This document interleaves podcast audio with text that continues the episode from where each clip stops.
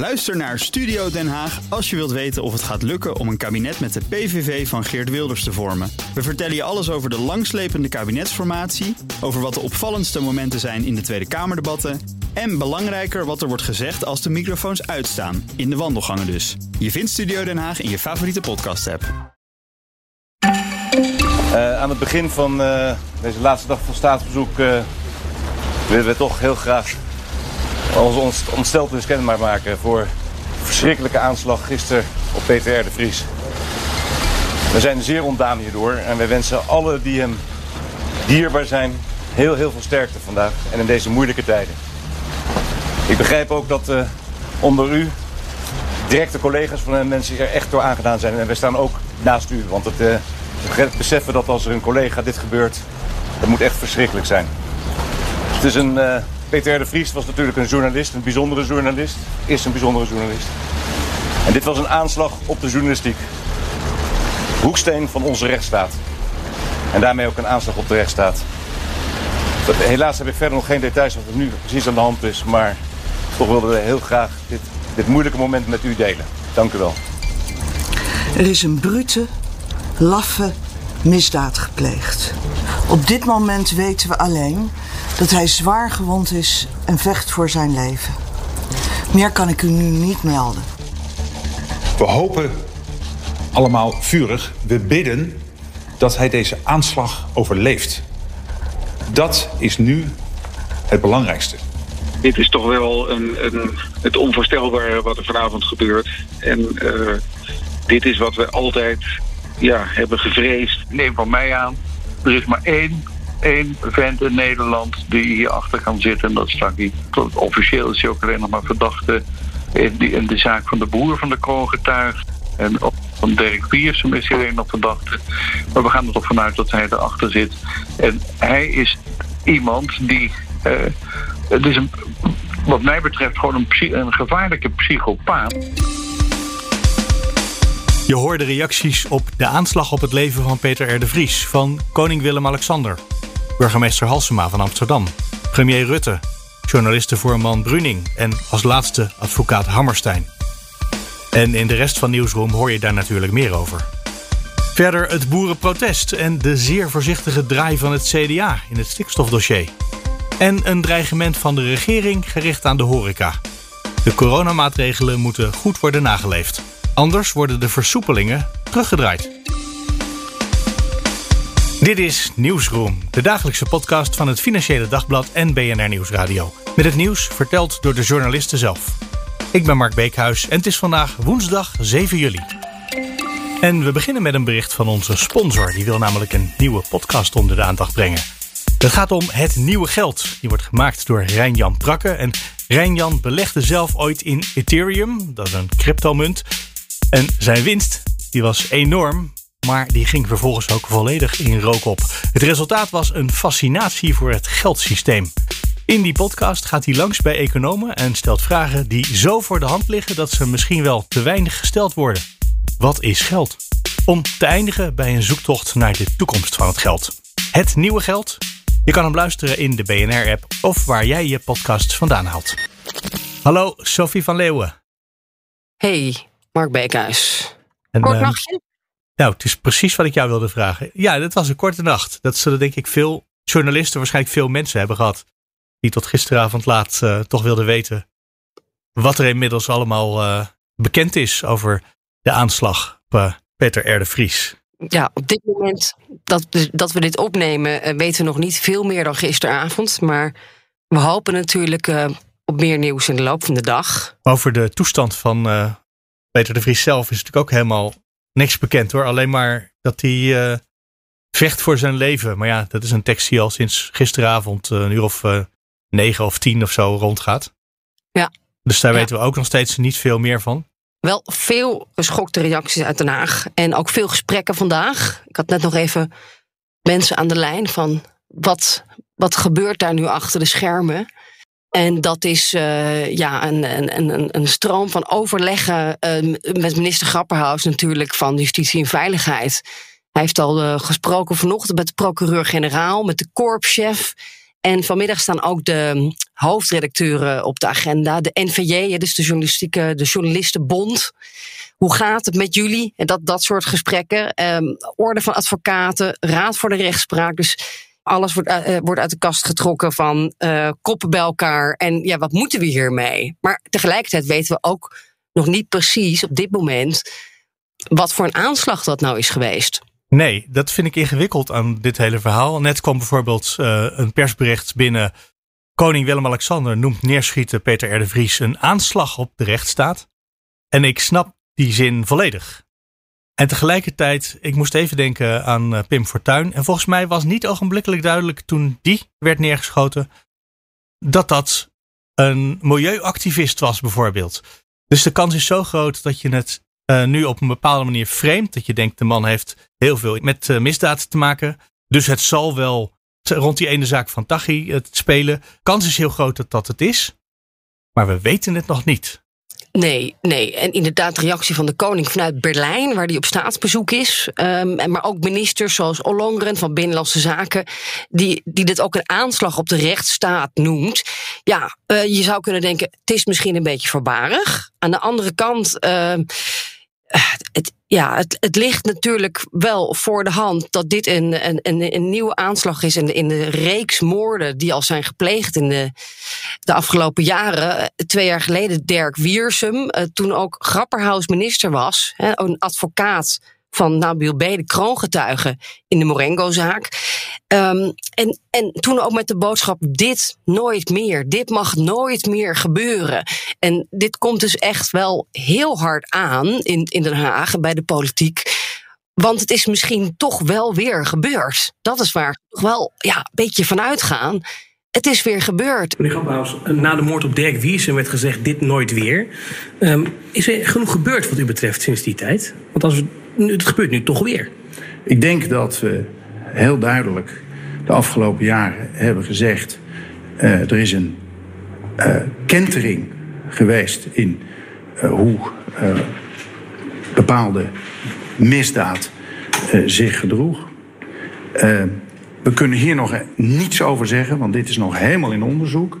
En nogmaals, we zullen ook volledig alle feiten boven water halen, zodat iedereen kan beoordelen of er genoeg is gebeurd. En ik blijf het zeggen, nu vooral in gedachten. En hier laat bij het slachtoffer. En ja, wie is hier dan voor verantwoordelijk? Dan denk ik ook dat zo'n grapperhaus een hele slechte nacht heeft gehad. En misschien niet zo lekker heeft geslapen. Uh, na het bericht van gisteravond uit Amsterdam. Ja, je maakt het heel persoonlijk. Dat is op zich ook wel weer begrijpelijk. Hij is natuurlijk verantwoordelijk voor de beveiliging van iedereen die gevaar loopt. Uh, ik denk, eh, toch? De mensen als Geert Wilders, die ook al jaren beveiligd wordt. Of uh, John van der Heuvel, ook een misdaadjournalist, die ook al zichtbaar altijd beveiliging bij zich heeft. Van Peter R. de Vries gaat het verhaal, en ik geloof dat ogenblikkelijk, want dat zijn journalisten die dat als collega van hem weten, dat hij zich niet wilde laten beveiligen. Dat, zou, ja, dat maakt natuurlijk het heel lastig als overheid om te zeggen: ja, maar we gaan je beveiligen. Klopt, dat, dat kun je dan denk ik ook niet doen. Maar uh, er is natuurlijk wel veel gebeurd uh, de afgelopen jaren. Ook als, als je kijkt naar de, de NCTV, de Nationaal Coördinator uh, Terrorisme en Veiligheid. Gesprekken, discussies op de achtergrond, ruzies. Um, uh, waar er was een dodenlijst waar Peter R. de Vries op stond. Ook in de context van de Morengo-zaak en zijn werk. Um, hij wilde informatie, heeft hij eerder gezegd bij Bo vorig jaar. Van wat staat er dan precies? Wat weten jullie over die dodenlijst? Uh, kun je mij meer inzage, inzicht geven in, in die dreiging die er is? Er zijn wel wat ruzies geweest op de achtergrond. En uh, Peter R. de Vries duidelijk ontstemd over, uh, over die aanpak vanuit, uh, vanuit Den Haag, vanuit de NCTV, uh, heeft beveiliging geweigerd. Maar ja. Er is ook wel iets niet helemaal goed gegaan, denk ik, op de achtergrond met de beveiliging. Je hoort ook vaak uh, problemen met geld en personeel. Um, wat is daar precies gebeurd? En ja, Grapperhaus kent Peter R. de Vries persoonlijk. Ze hebben denk ik ook wel gesprekken hierover gehad met elkaar. Daar, dat, dat voelt niet helemaal lekker. Maar ja. goed, dat, ja, dat is ook al een beetje speculeren natuurlijk wat we doen. Uh, maar dat is inderdaad wel iets wat je vaker hoort. Dat de beveiliging van mensen die het echt nodig hebben. dat daar in elk geval niet voldoende personeel voor is, niet voldoende mensen in dienst bij de overheid en waarschijnlijk ook niet genoeg geld. Dat zal Ja. in de ja, je zou zeggen in het komende vragenuurtje, maar dat is pas in augustus weer. Wordt dat ongetwijfeld eh, een belangrijke vraag? En in de komende formatie natuurlijk van de komende hè, weken en maanden zal dat ook wel weer op tafel komen. Van god, ja, eh, wat is hier aan de hand? Is er iets misgegaan? Het antwoord toen hè, met de moord op Dirk Wiersum, die advocaat, twee jaar geleden was: eh, we moeten een soort van FBI-team oprichten in Nederland. Een soort van knappe koppen die eh, al die zaken gaan oplossen of dit soort excessen voorkomen. In, eh, met name als het ook gaat om drugsmafia en onderwereld in Nederland. Dat heette het Multidisciplinair Interventieteam, het MIT. Dat, dat, ja, dat is er inmiddels, maar eh, dat, dat, daar, daar, ook daarover is veel discussie. Ook bij de, bij de politie. Omdat dan weer hè, de knappe koppen bij de politie zouden worden weggekocht. Voordat die, die Nederlandse FBI. Veel onvrede en gedoe op de achtergrond. Eh, ja, en of dat nou nu eh, heeft geholpen op dit moment, daar lijkt het ook nog niet op. Nee, en en sowieso, we weten, wat ik net al zei, we weten helemaal niet wat nou precies de reden is dat iemand besloten heeft uh, Peter R. de Vries door het hoofd te schieten. Het kan berekend zijn, het kan, uh, een, het kan een gek zijn die over straat liep. Er zijn natuurlijk een aantal mannen opgepakt. Hè? Drie stuks gisteren op de A4. Uh, twee mensen in een, in een auto en nog iemand in Amsterdam-Oost. Ja, uh, gaan we dan daar vandaag al um, meer duidelijkheid over krijgen? Ik hoop het. Ja, um, nou, onze Nederlandse politie en het Openbaar Ministerie kennende. En, en dat is echt in schril contrast met bijvoorbeeld de Britten en de Amerikanen. Die meteen zouden vertellen: ja hoor, Peter R. de Vries was wel of nee hoor, hij was niet beveiligd. Uh, die zijn altijd veel openhartiger over wat ze weten. En die vertellen ook niet altijd alles, dat snap ik wel. Over de beveiliging gaan ze sowieso niks zeggen. Dat denk ik ook niet. Nee. Sophie van Leeuwen, dankjewel. En terwijl ik deze podcast in elkaar zet, zijn er toch ook weer nieuwe ontwikkelingen. Allereerst is er inmiddels een bericht van de zoon van Peter R. de Vries, die iedereen bedankt voor de steunbetuigingen en zegt: Gisteren is onze grootste nachtmerrie werkelijkheid geworden. Wij als familie omringen Peter met liefde en hoop in deze moeilijke fase. Veel is nog onzeker. Maar wat vaststaat is dat alle steunbetuigingen uit het hele land nu enorm veel steun bieden. En verder is er iets meer bekend geworden over de verdachten die zijn opgepakt. Allereerst is de derde verdachte, die werd opgepakt in Amsterdam-Oost, die is weer vrijgelaten. Hij is geen verdachte meer en kon naar huis gaan. En van de andere twee verdachten, die mannen uit de auto langs de A4, daarvan is nu bekendgemaakt dat het gaat om een 35-jarige Pool uit het Gelderse Maurik en een 21-jarige man uit Rotterdam. En die zitten nog vast, sterker, die zitten in volledige beperkingen. Wat inhoudt dat ze alleen contact kunnen hebben met hun advocaat. En zij worden op vrijdag voorgeleid aan de rechtercommissaris. Uh, en ik moet naar de Malieveld straks. Ja, nou, daar wil ik je ook precies over spreken. Dus Kijk. dat is goed dat je het woord Malieveld uh, laat ja. vallen. Bas Knoop van het Financieel Dagblad. Uh, want het is vandaag weer uh, ouderwets boerenprotest hè, in Den Haag. Ja, en niet alleen in Den Haag, ook op andere plekken in het land. Onder andere in, in Arnhem, in, in Zwolle, Assen. zijn er weer boerenprotesten tegen de stikstofmaatregelen van, van het kabinet. En, en misschien eigenlijk wel meer tegen de stikstofmaatregelen die een nieuw kabinet ehm, wellicht gaat nemen. Of in ieder geval geadviseerd wordt om te gaan nemen. Ja, ik kreeg het gevoel, mondkapjes zijn af. Het oude leven begint weer gewoon. Uh, ja, nou, de, de, stikstofcrisis is even uh, uh, van de voorpagina's en uit de hoofden van politici verdwenen door, de, door de coronacrisis de afgelopen, het afgelopen jaar. Um, maar ja, het is in één keer weer vol, staat weer in één keer vol in de belangstelling. er zijn een aantal, aantal rapporten weer verschenen de afgelopen maanden. Ja.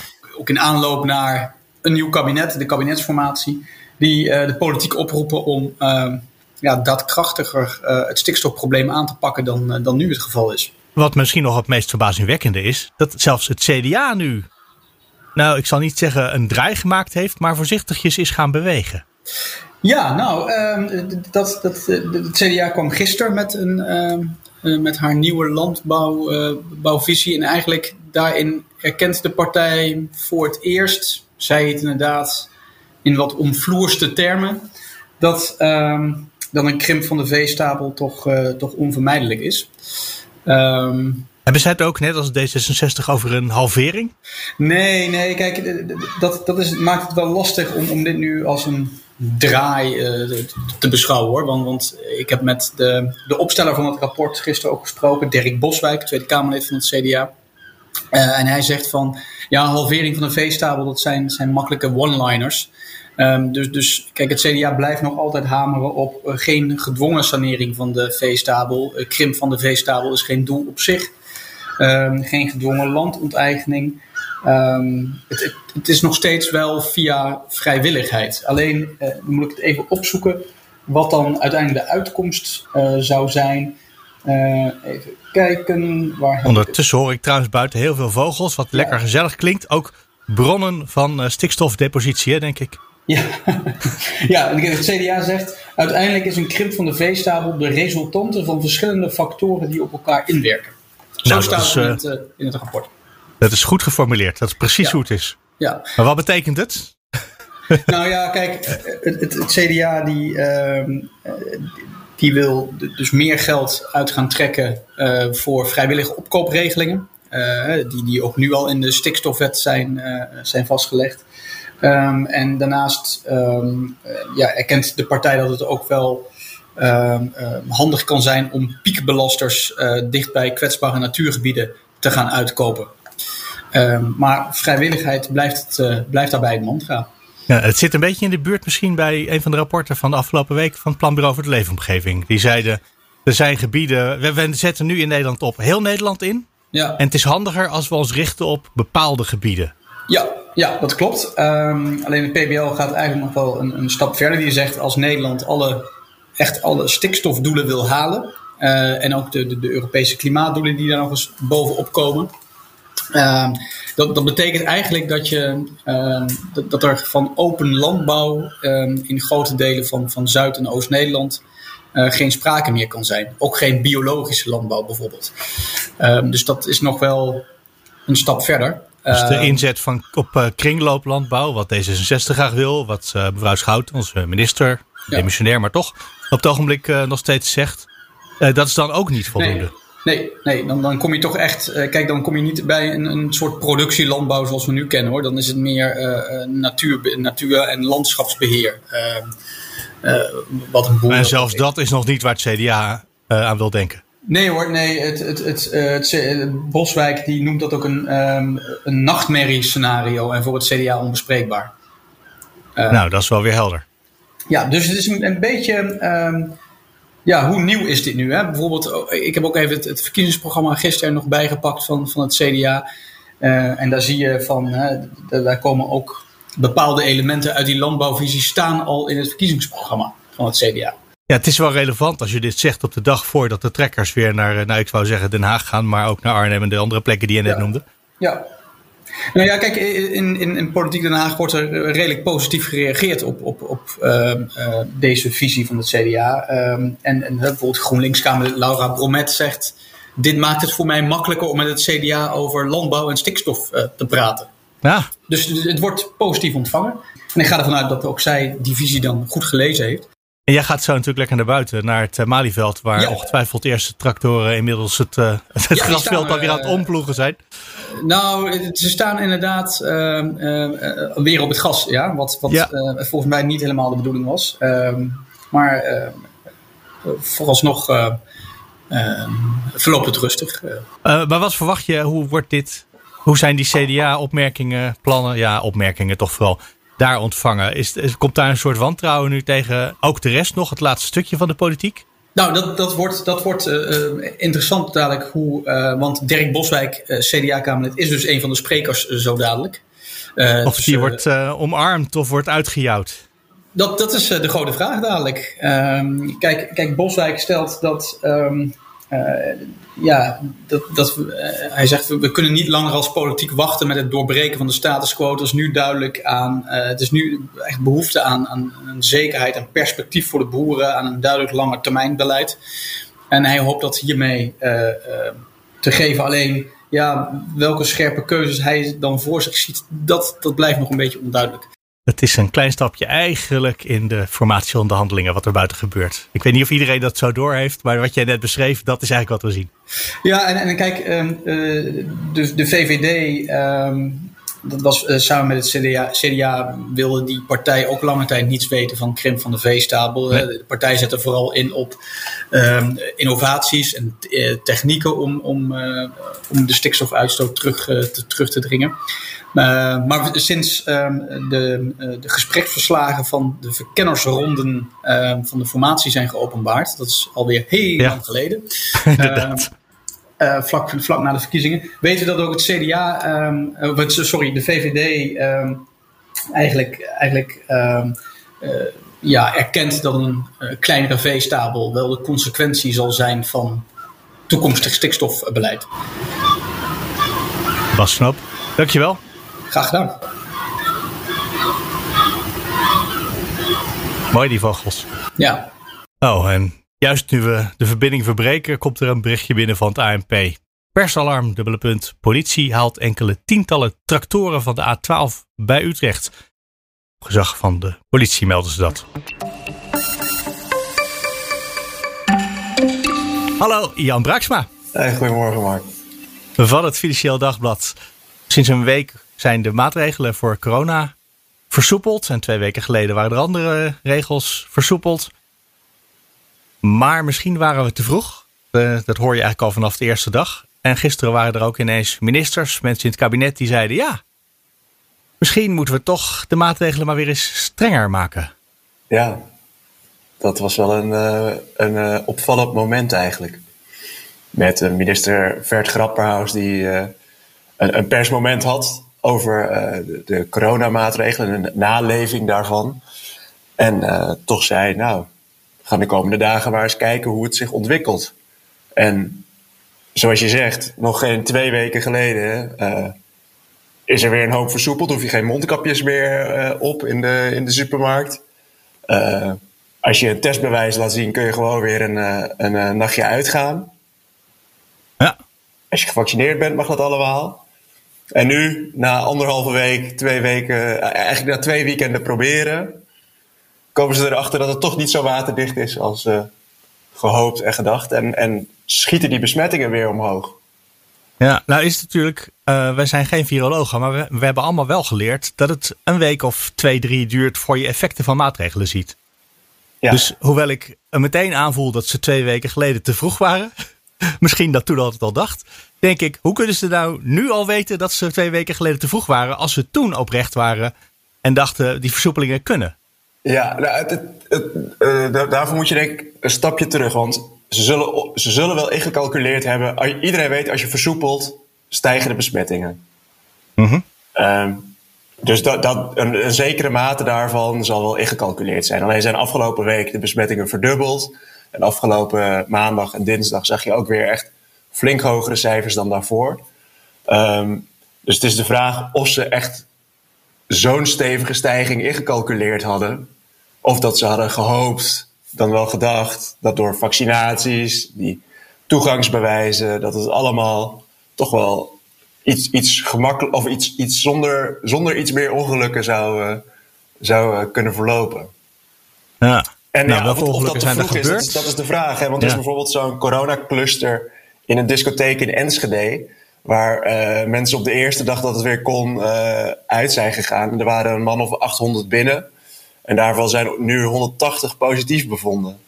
Dus ja. um, er, er, hoeft niet per se twee weken tussen te zitten. Binnen, binnen een week weet je wel wie er ongeveer besmet... Of heb je een idee van, zijn er besmettingen? En nou, anderhalve week later uh, blijkt het een ja. op de vier daar positief is getest. Dus daar was wel wat aan de hand. Ja, ja een jaar geleden hadden we het over het R-getal uh, elke dag dat het maar mogelijk was. Maar dit is dus eigenlijk een, in dat heel lokaal, in die ene uitgaansgelegenheid, een R-getal van 180.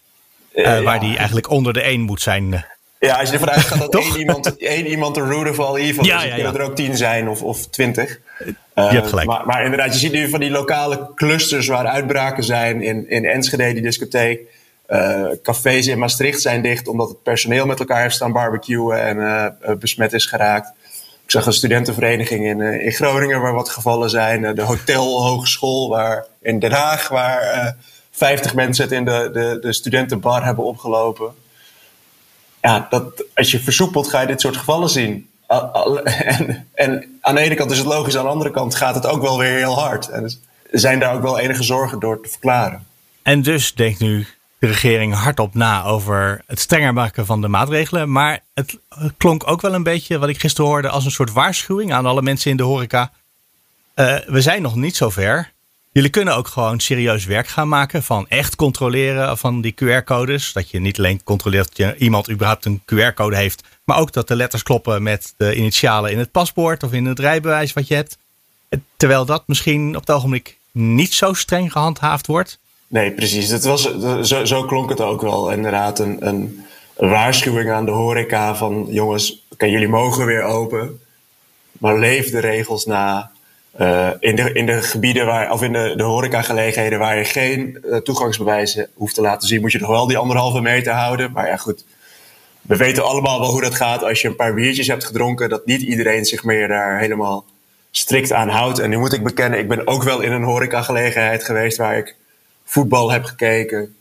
En waar het personeel heel erg hun best deed om mensen uit elkaar te halen. Maar op een warme zomeravond na tien biertjes, uh, als er een team scoort, gaan mensen elkaar toch high-fiven en vliegen ze elkaar om de hals. Dus je kan zo je best doen, maar daar deden ze in ieder geval hun best. Ik heb ook gevallen gehoord van, van vrienden die gewoon konden doorlopen uh, bij uh, gelegenheden waar ze eigenlijk een, een scan hadden moeten laten zien.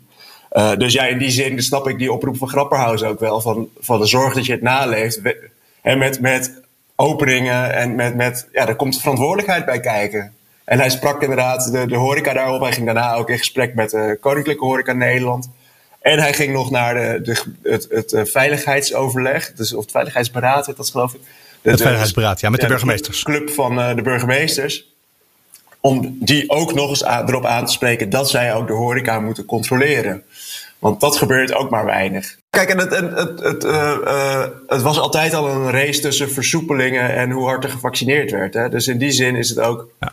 Uh, hebben ze een gecalculeerd risico genomen door te versoepelen? Zeiden ze het kabinet destijds ook. Um, alleen ja, wij zijn nog niet zoveel gevaccineerd dat het allemaal niks meer uitmaakt. Dus we, zullen ons nog wel aan, aan een aantal uh, regels moeten houden. En, en ons keurig laten testen voordat we het feestcafé ingaan, Mark. Ja.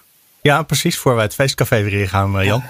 Ja, ja want daar moet je twee prikken voor hebben als je tegen de Delta-variant beschermd wil zijn. En dat heeft pas 40% van Nederland. Ja. En ze zijn begonnen met de alleroudste, die we niet elke keer in het feestcafé tegenkomen. Nee. Dus dat is misschien ook nog een deel van, ja, van de reden. Zeker, want, want de groepen die nu besmet zijn, dat zijn eigenlijk de, de jongeren, iedereen tussen de 10 en de 30. Of de, ja, tussen de 10 en de 30. Uh, dat, dat is de snelst groeiende ja, en de, vooral de twintigers, hè? Ja, en die zijn uh, of hebben net misschien een eerste prik gehad, of nog niet eens. Of dachten misschien, ah, de gevolgen vallen wel mee. Uh, voor mij mocht ik, het, mocht ik het een keer krijgen. Dus daar is de vaccinatiegraad heel erg laag. En daar zie je nu de besmettingen omhoog schieten. Dus ja, dat wordt doorprikken om, om te zorgen dat het, dat het niet te hard uit de hand loopt. Jan Braaksma, dankjewel. Yes, graag gedaan. En dat was hem voor vandaag. Wil je reageren? Mail naar nieuwsroom.bnr.nl of nieuwsroom.fd.nl. Tot morgen.